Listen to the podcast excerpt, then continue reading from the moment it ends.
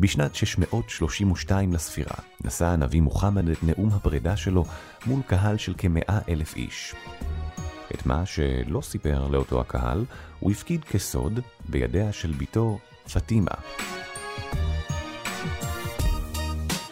בר דעת, הפודקאסט של אוניברסיטת בר אילן. בפרק זה, האחרון בסדרה, פרופסור לבנת הולצמן על המורשת שהשאיר אחריו הנביא מוחמד ועד כמה היא רלוונטית לאסלאם של ימינו. פרק 12 ואחרון בסדרה. שלום, כאן לבנת הולצמן. זהו הפרק האחרון בסדרה, בה דיברנו על מקורותיה של דת האסלאם, שרטטנו קווים לדמותה, ועמדנו על מושגים חשובים המתקשרים אליה. גם בפרק הזה נעיין יחד במקורות המקודשים לאסלאם, הקוראן והחדית'. את הקוראן אנו קוראים כאן על פי תרגומו של פרופסור אורי רובין.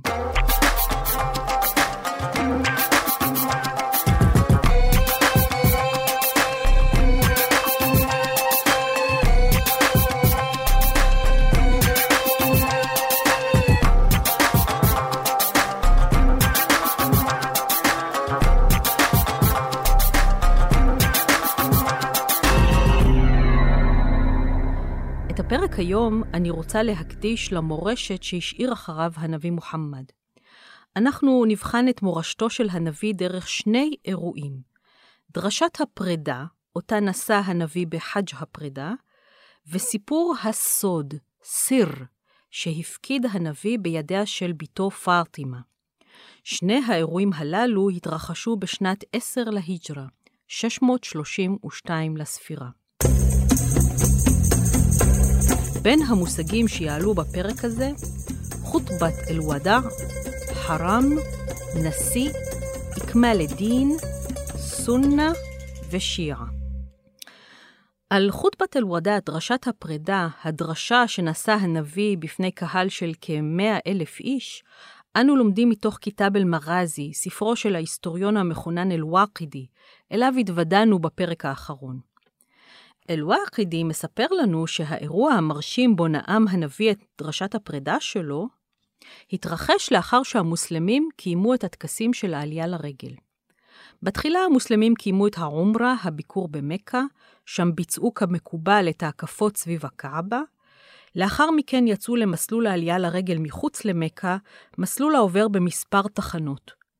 בין השאר עברו עולי הרגל בהנהגתו של הנביא כמובן, דרך מעלה ההר, העקבה, ליד מכה. בדיוק במקום בו 12 שנים לפני כן פגשו אותו ששת האנשים מית'ריב, כאשר הוא היה עדיין נביא נרדף. איזה ניצחון לנביא, המוליך את מאמיניו בתחנות חייו ובמסלול בו הלכו אברהם וישמעאל, איזו כברת דרך עצומה הוא עבר ב-12 שנה. האנשים עקבו בלהיטות אחר כל פעולה שהנביא עשה, שתו בצמא כל מילה שהוא אמר, ונצרו הכל בזיכרונם. לימים הם יחקו את פעולותיו, והפעולות הללו יהפכו לדרך שבה יש לקיים את מצוות העלייה לרגל. אחד מאויביו המושבעים והמרים ביותר משבט קורייש, אדם בשם ח'אלד בן אל-וליד, שהתאסלם זה מכבר, היה נרגש ביותר מקרבתו לנביא. כאשר הספר גילח את שיער ראשו של הנביא, כמקובל בקרב עולי הרגל, ח'אלד במיוחד התחנן לקבל את הנרסיה, הפוני של הנביא. הוי, הנביא, הוא קרא, אני משביע אותך שאבי ואמי יהיו כפרתך. אל תעניק למישהו אחר את החסד לקבל את הנרסיה שלך. מה רב היה אושרו כשהנביא במנוד ראש הורה להעניק לו את הנרסיה, וח'אלד הצמיד את השערות הגזוזות לעיניו ולפיו באהבה וביראה.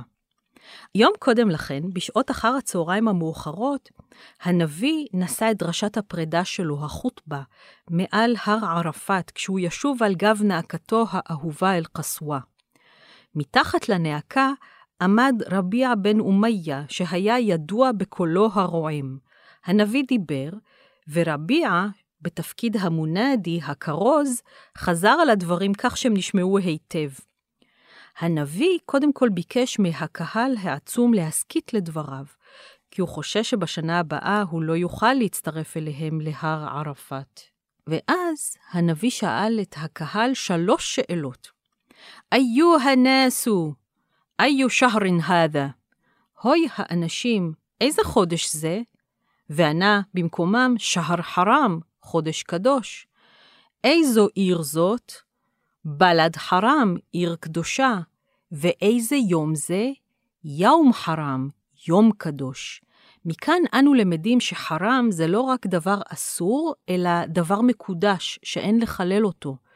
לאחר מכן אמר הנביא, כשם שהחודש הזה, והעיר הזאת, והיום הזה קדושים, כך קדוש דמכם, וקדוש רכושכם, וקדוש כבוד המשפחה שלכם.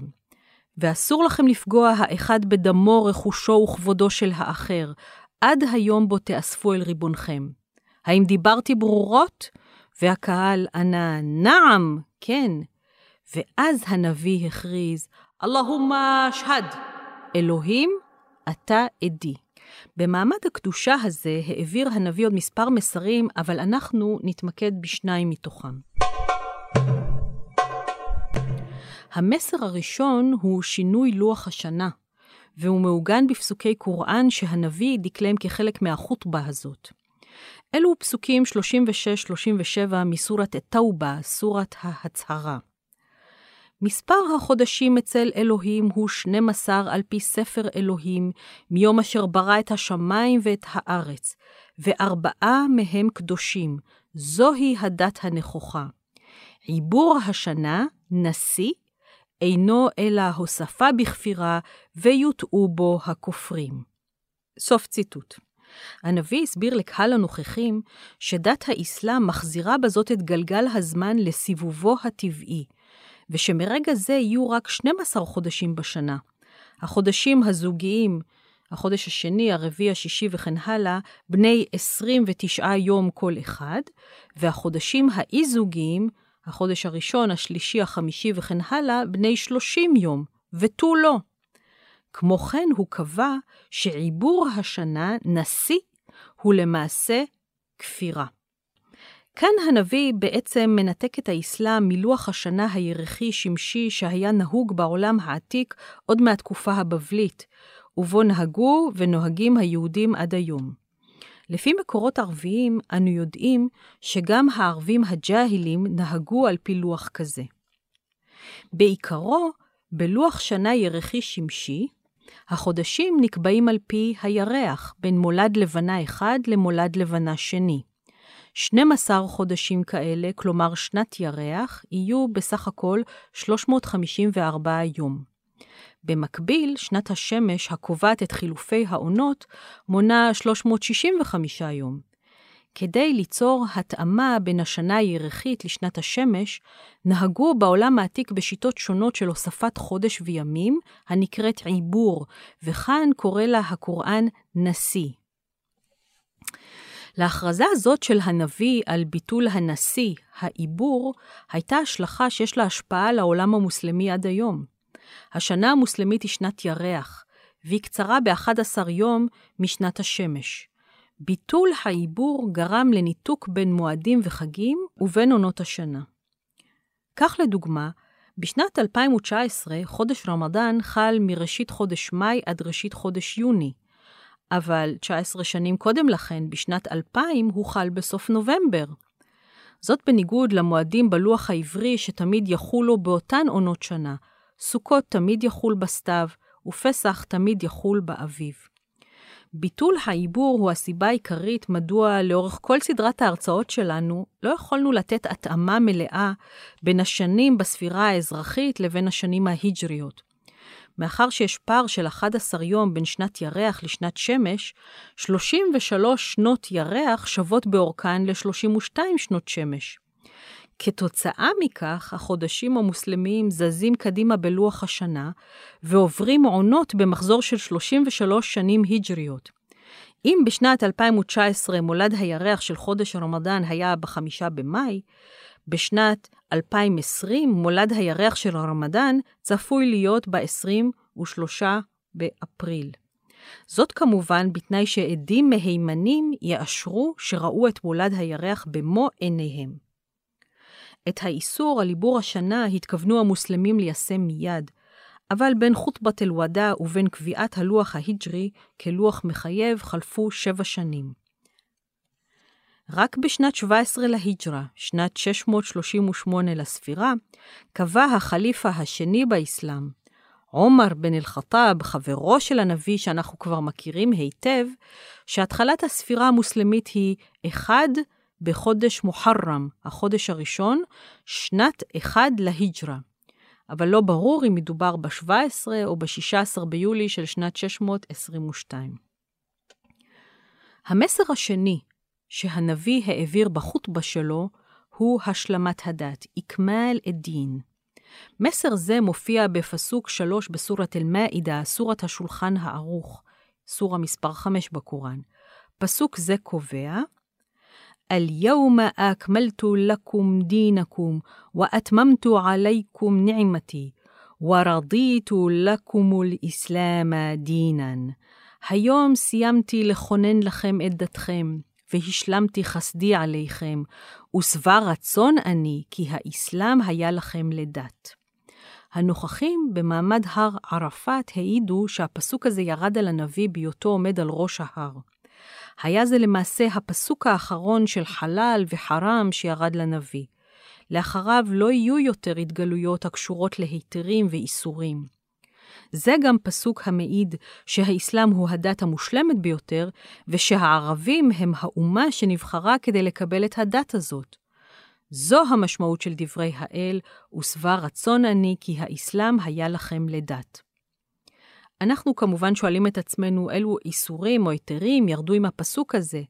אז אגלה לכם שהתחלת הפסוק, כפי שהיא מתועדת בסורת אל-מאעידה, מבארת למוסלמים מה נאסר עליהם, בין השאר, חורימת עליכום אל-מיתתה ודמה ולחם אל-חנזירי. נאסרו עליכם נבלה ודם ובשר חזיר.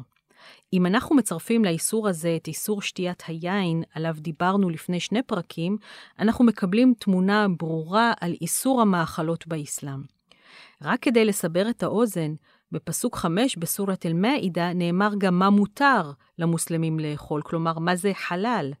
היום הותרו לכם המאכלות הטובים, ומותרים לכם מאכלותיהם של אלה אשר ניתן להם הספר לפניכם. כלומר, למוסלמים מותר לאכול ממאכלות היהודים והנוצרים. את חוטבת אל-ודא, דרשת הפרידה שלו, חתם הנביא בשאלה לקהל הרב שעמד על ההר. האם לא העברתי את המסר בצורה ברורה? הקהל נהם בתשובה, כן.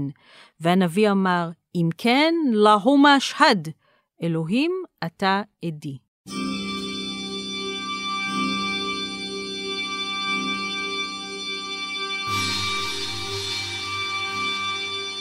חאג' הפרידה, ששיאו בחוטבת אל-ודא, התרחש בחודש דול חיג'ה בשנת 10 להיג'רה, פברואר 632 לספירה. שלושה חודשים לאחר מכן, ב-12 לחודש רביע אל-אוול, שנת 11 להיג'רה, יוני 632 לספירה, השיב הנביא את נשמתו לבוראו, ונקבר ברצפת חדרה של עיישה אשתו. בימים שקדמו למותו, חבריו ובני משפחתו סבבו אותו. כל הגה שהוציא הנביא מפיו נשמר בזיכרונם של המקורבים. כל מחוות יד וגוף נחרטו בליבם. כמספר האנשים שסבבו את הנביא הגוסס, כך מספר הגרסאות על האירועים שהתרחשו סביב מיטת חוליו, ועל מה שאמר בימיו האחרונים. למשל, אחד המקורבים מסר שמילותיו האחרונות של הנביא היו לא תהיינה שתי דתות בארץ הערבים. מקורב אחר מסר שהמילים האחרונות היו ולוואי ואללה יילחם ביהודים ובנוצרים. והיו עוד הצהרות שיוחסו לנביא השוכב על ערש דווי. מבין כל האירועים, אני רוצה להתעכב על אירוע אחד, שמאיר את הנביא באור אנושי וחומל, ויש פה גם סמליות רבה. אבל כדי שנבין את האירוע הזה לאשורו, אני רוצה להזכיר כמה פרטים ביוגרפיים שדיברנו עליהם בעבר, וכמה פרטים שלא חידדנו עד הסוף. כאשר דיברנו על החרם, ההרמון של הנביא, הזכרנו שאף אחת מהנשים שנשא אחרי חדיג'ה לא העניקה לו ילד, פרט למריה הקופטית. בעצם רק נישואיו לחדיג'ה הניבו ילדים. למוחמד וחדיג'ה היו ארבע בנות שהגיעו לגיל בגרות, התחתנו והעניקו למוחמד נכדים. מבין ארבע הבנות של מוחמד וחדיג'ה, שלוש מתו עוד בימי חייו של מוחמד. הרביעית ששרדה, פרטימה, הייתה נשואה לעלי בן אבי טלב, שהיה בן דודו האהוב של הנביא. פרטימה אהבה מאוד את אביה הנביא, ומצד שני, הקשרים שלה עם חלק מנשותיו היו בעייתיים, ובמיוחד עם עיישה, האישה האהובה ביותר על מוחמד. נזכיר שעיישה הייתה בתו של אבו בכר, חברו הקרוב ביותר של הנביא. זה הרקע לסצנת המוות של הנביא, או סיפור הסוד. את סיפור הסוד אנו מוצאים בקובץ החדית' של איש המסורת וההיסטוריון מוחמד בן אסמאעיל אל-בוכרי, בן המאה התשיעית. אל-בוכרי נדד ברחבי העולם המוסלמי כדי לאסוף מסורות על הנביא, וקיבץ אותן בקובץ חדית' שנקרא סחיח אל-בוכרי. הקובץ נקרא סחיח המהימן, כי המסורות שבו נחשבות למהימנות ביותר. וזהו סיפור הסוד.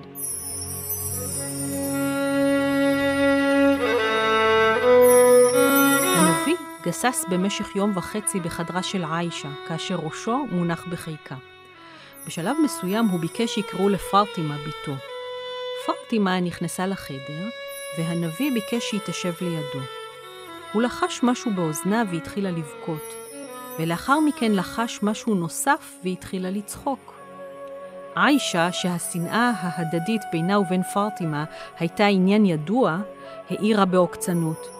מימיי לא ראיתי הבעת שמחה כל כך בסמוך להבעת עצב כפי שראיתי היום.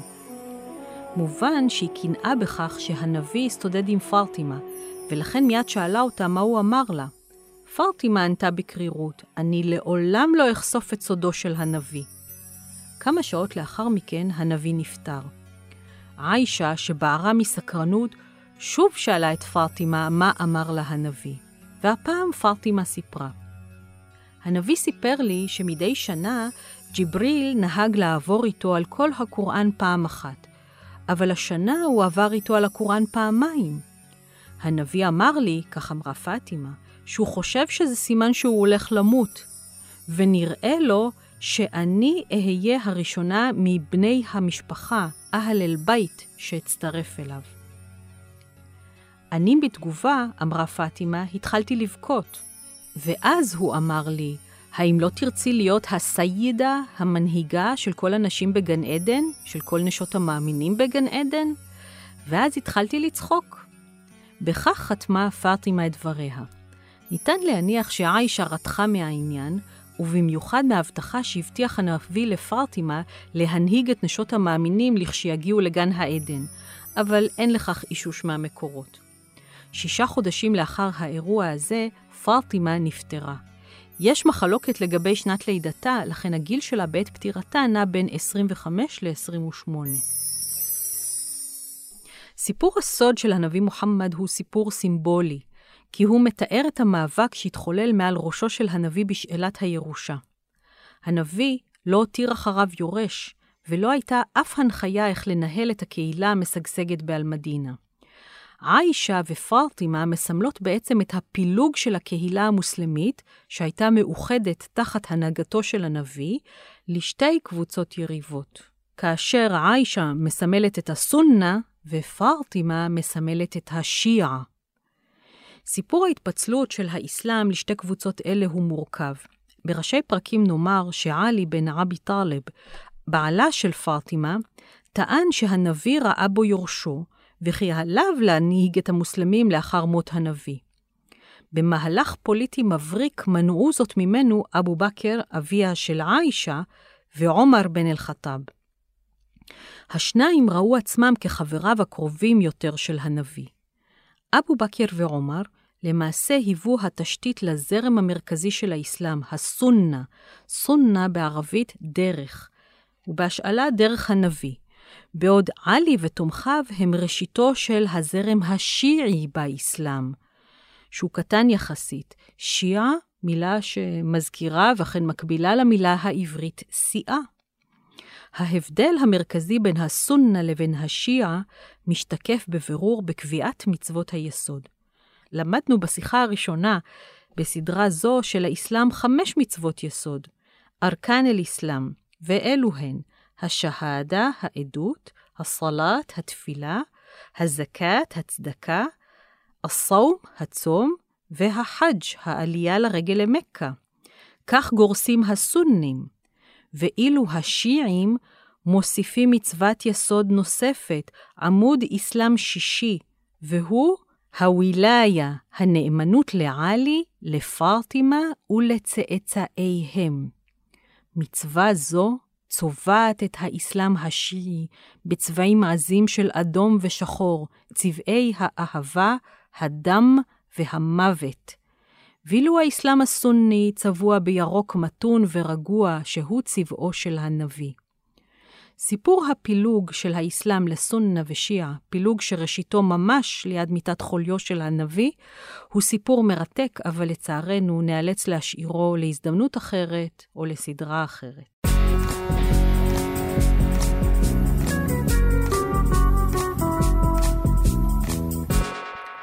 סיפור הסוד של הנביא גם מבליט את שני הנדבכים המרכזיים במורשתו, הקוראן והחדית'. קודם כל הקוראן. מהו הקוראן שהנביא השאיר אחריו? בכל הפרקים בהם תיארנו התגלויות שהיו לנביא מוחמד בנסיבות שונות, תיארנו את הנביא עומד ומדקלם. אבל האם מישהו העלה את הדברים על הכתב? ואם הועלו הדברים על הכתב, מה היה התהליך? מי היה שותף להעלאת הקוראן על הכתב? ועוד יותר מכך, מתי אורגנו הרשימות שנאספו בהזדמנויות שונות ונערכו לכדי ספר? ומתי נחתם הספר, כלומר קיבל את צורתו הסופית? אני אענה בקצרה. כי אכן, לנביא מוחמד היו פקידים בהיותו באלמדינה, ואלו דאגו לרשום את פסוקי הקוראן בכל הזדמנות שהייתה ברשותם. שלושת החליפים הראשונים של האסלאם, אבו בכר, עומר בן אל-חטאב ועות'מן, שלושתם מוכרים לנו, העסיקו אנשים במפעל הגדול של עריכת הקוראן. על פי עדות המסורת המוסלמית, הקוראן בנוסחו הסופי נחתם בימיו של עות'מן, דהיינו 20 שנה לאחר פטירתו של הנביא. הסיפור על הסוד של הנביא הוא בעצם מה שנקרא חדית', סיפורים שנאספו מפי הסחאבה, חבריו של הנביא, המתארים את מנהגיו, אירועים שקרו לו, ומעל הכל אמירות המיוחסות לו. למעשה, כמעט כל מה שסיפרנו בפרקי הסדרה הזאת מבוסס על החדית'. כאשר אבן הישאם ואבן סעד כתבו את הסירה, תולדות החיים של הנביא, הם התבססו על אלפי סיפורים מתוך ספרות החדית'. כאשר אל-ואקידי כתב את כיתב אל-מרזי שלו, גם הוא התבסס על ספרות החדית'. גם כאן עולות שאלות רבות. מי סיפר את הסיפורים הללו, איך הם נשמרו, מתי הועלו על הכתב? גם כאן תהיה תשובתי קצרה ביותר.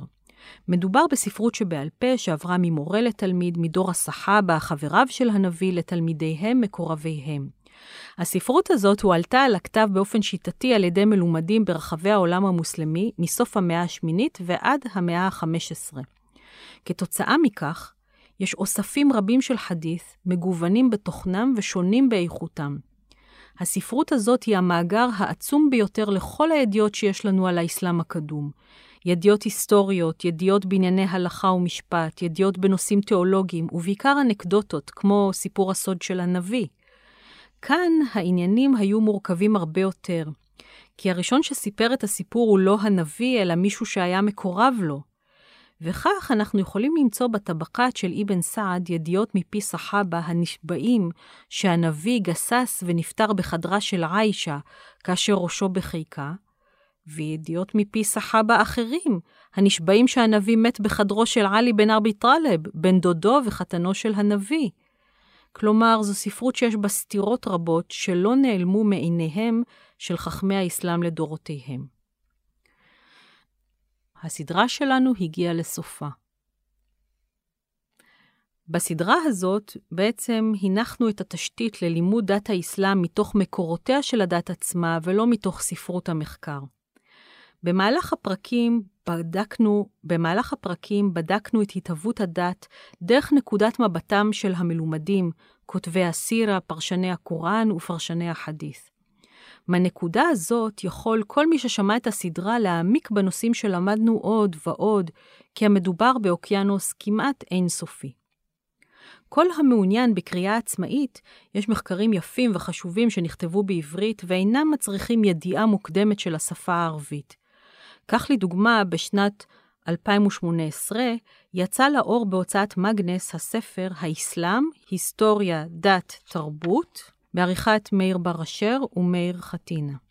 הספר מומלץ ביותר לכל מי שמתעניין ורוצה לדעת עוד. גם המחלקה לערבית באוניברסיטת בר אילן מציעה את הקורסים מבוא לדת האסלאם מונחי יסוד ומבוא לדת האסלאם סוגיות מתקדמות שאינם מצריכים ידע מוקדם בערבית ואפשר להירשם אליהם כשומעים חופשיים. והרשת היא מלאה וגדושה סרטים, כתבות, מאמרים וספרים בנושא הזה. עם הצידה שקיבלנו בסדרה הזאת, אפשר להתחיל את המסע להכרת דת האסלאם. אני לבנת הולצמן מהמחלקה לערבית באוניברסיטת בר אילן, עורך הסדרה אורי טולדנו, והמקליט שלנו אמיר בן דוד. תודה רבה על ההאזנה, ונתראה. תודה שהאזנתם לבר דעת. מיטב המרצים והחוקרים של בר אילן בחרו עבורכם את הנושאים המסקרנים ביותר מתחום התמחותם. התוצאה? ספריית פודקאסטים משובחת שכולה זמינה לרשותכם. בר אילן, משפיעים על המחר, היום. ערך והפיק אורי טולדנו. תודה על ההאזנה.